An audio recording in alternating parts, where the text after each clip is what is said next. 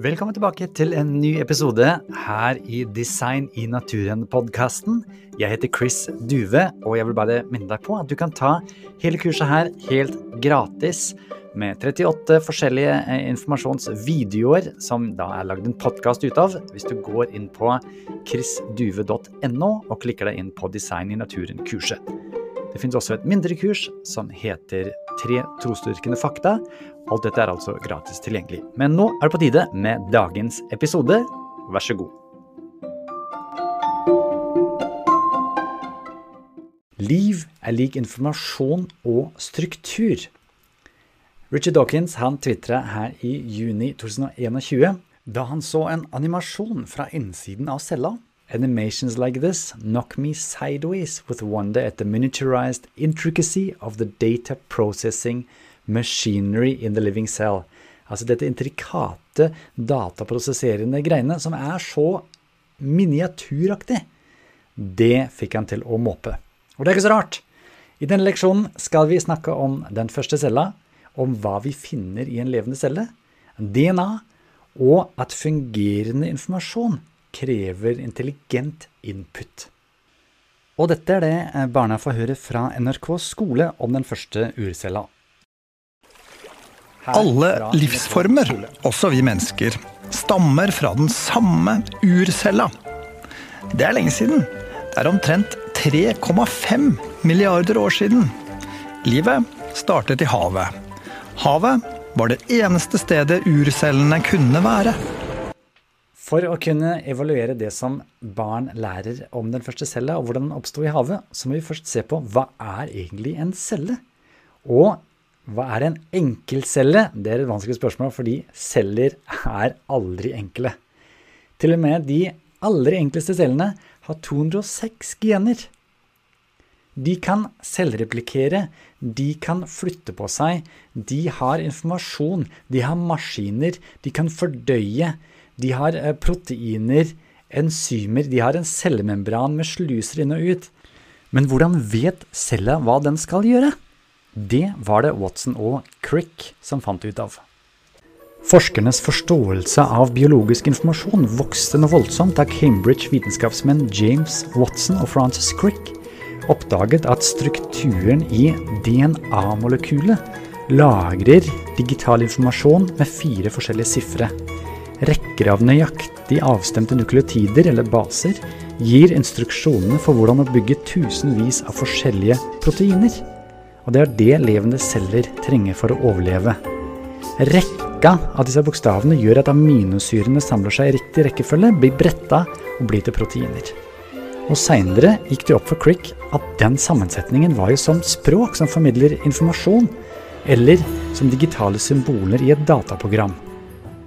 Og den dataprogramanalogien den kjenner jo da Bill Gates igjen, fordi han sier DNA is like a computer program, but far, far more advanced than any software ever created.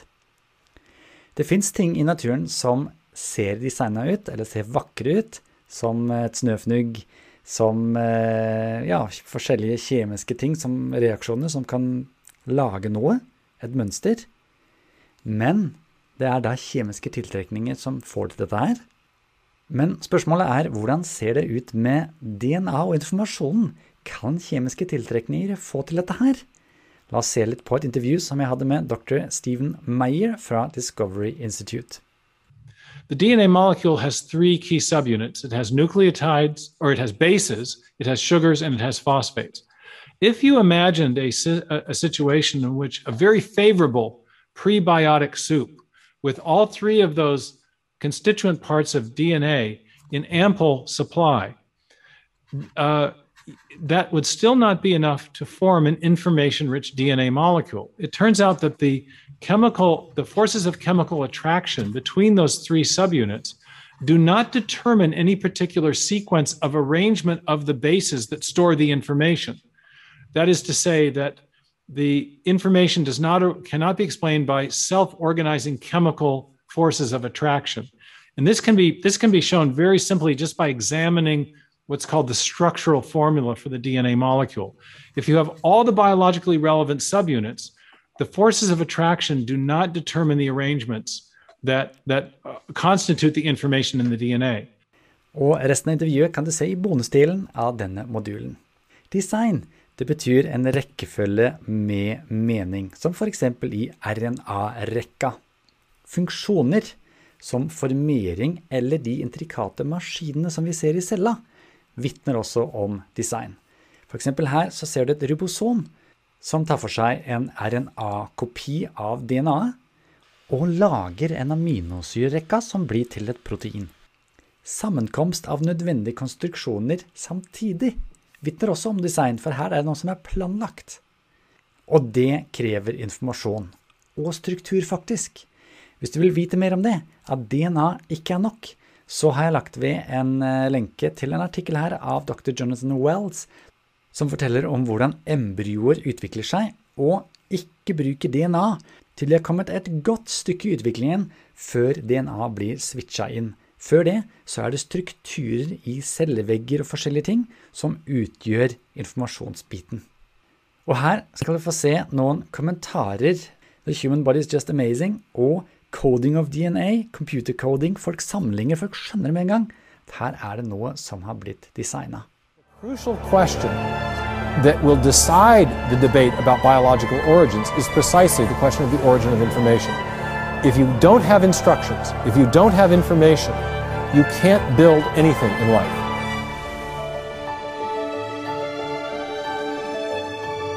Everyone who works in biology knows that information is needed in order for a living cell to do what it does.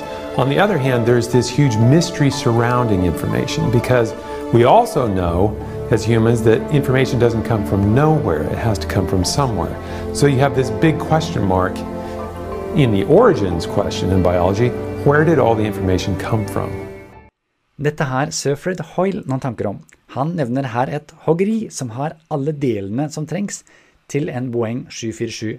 Så kommer det en orkan, og så står det etterpå en ferdig sammensatt Boeing 747 som er klar for å starte. Han hadde nemlig en kamerat som fortalte ham om at en gjærcelle har seks millioner deler.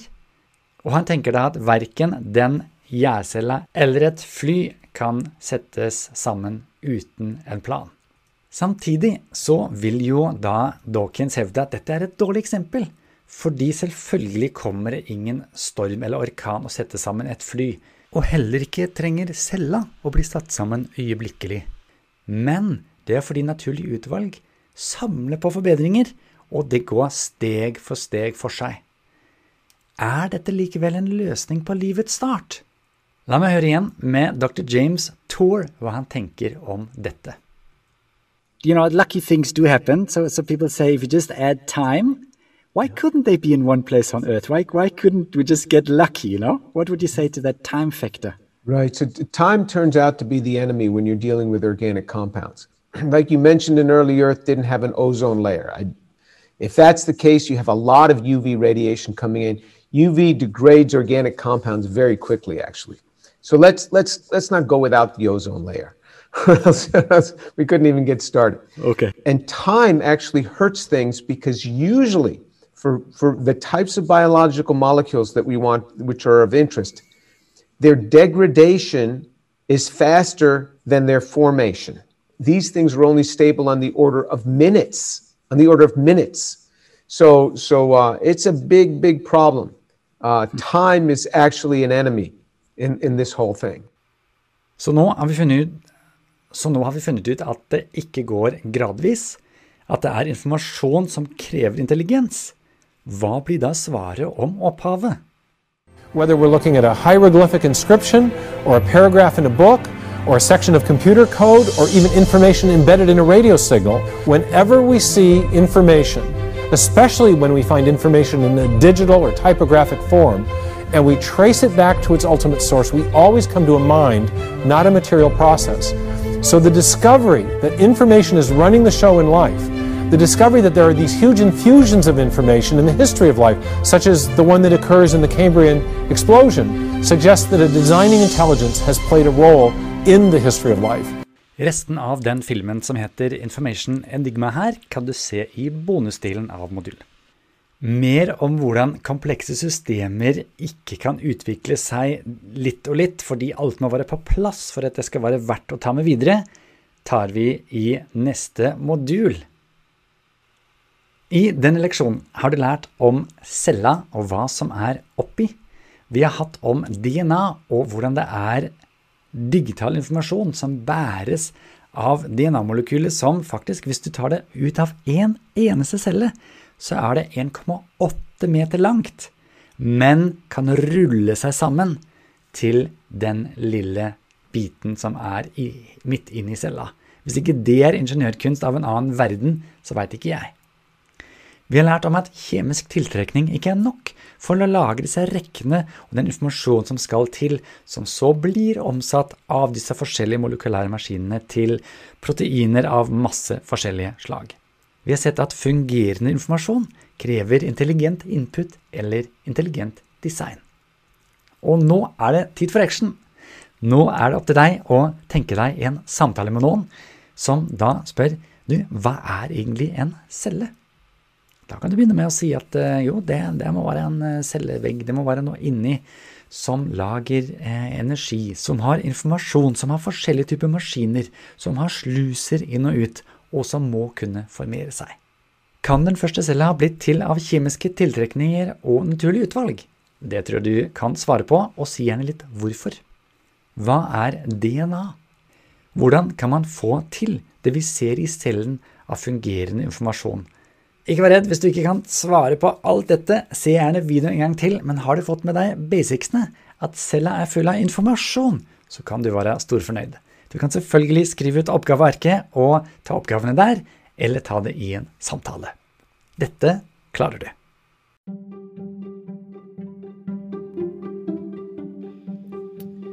Igjen, dersom du ønsker å få tilgang til de hjelpearkene eller oppgavearkene, så er det jo fullt mulig for deg å signe opp til kurset. Da går det an å laste det ned. Hvis du går inn på chrisduve.no, så ser du all informasjonen der. Dersom du ønsker å støtte denne podkasten og annet arbeid som jeg holder på med, kan du også lese mer om det på chrisduve.no. Takk for nå.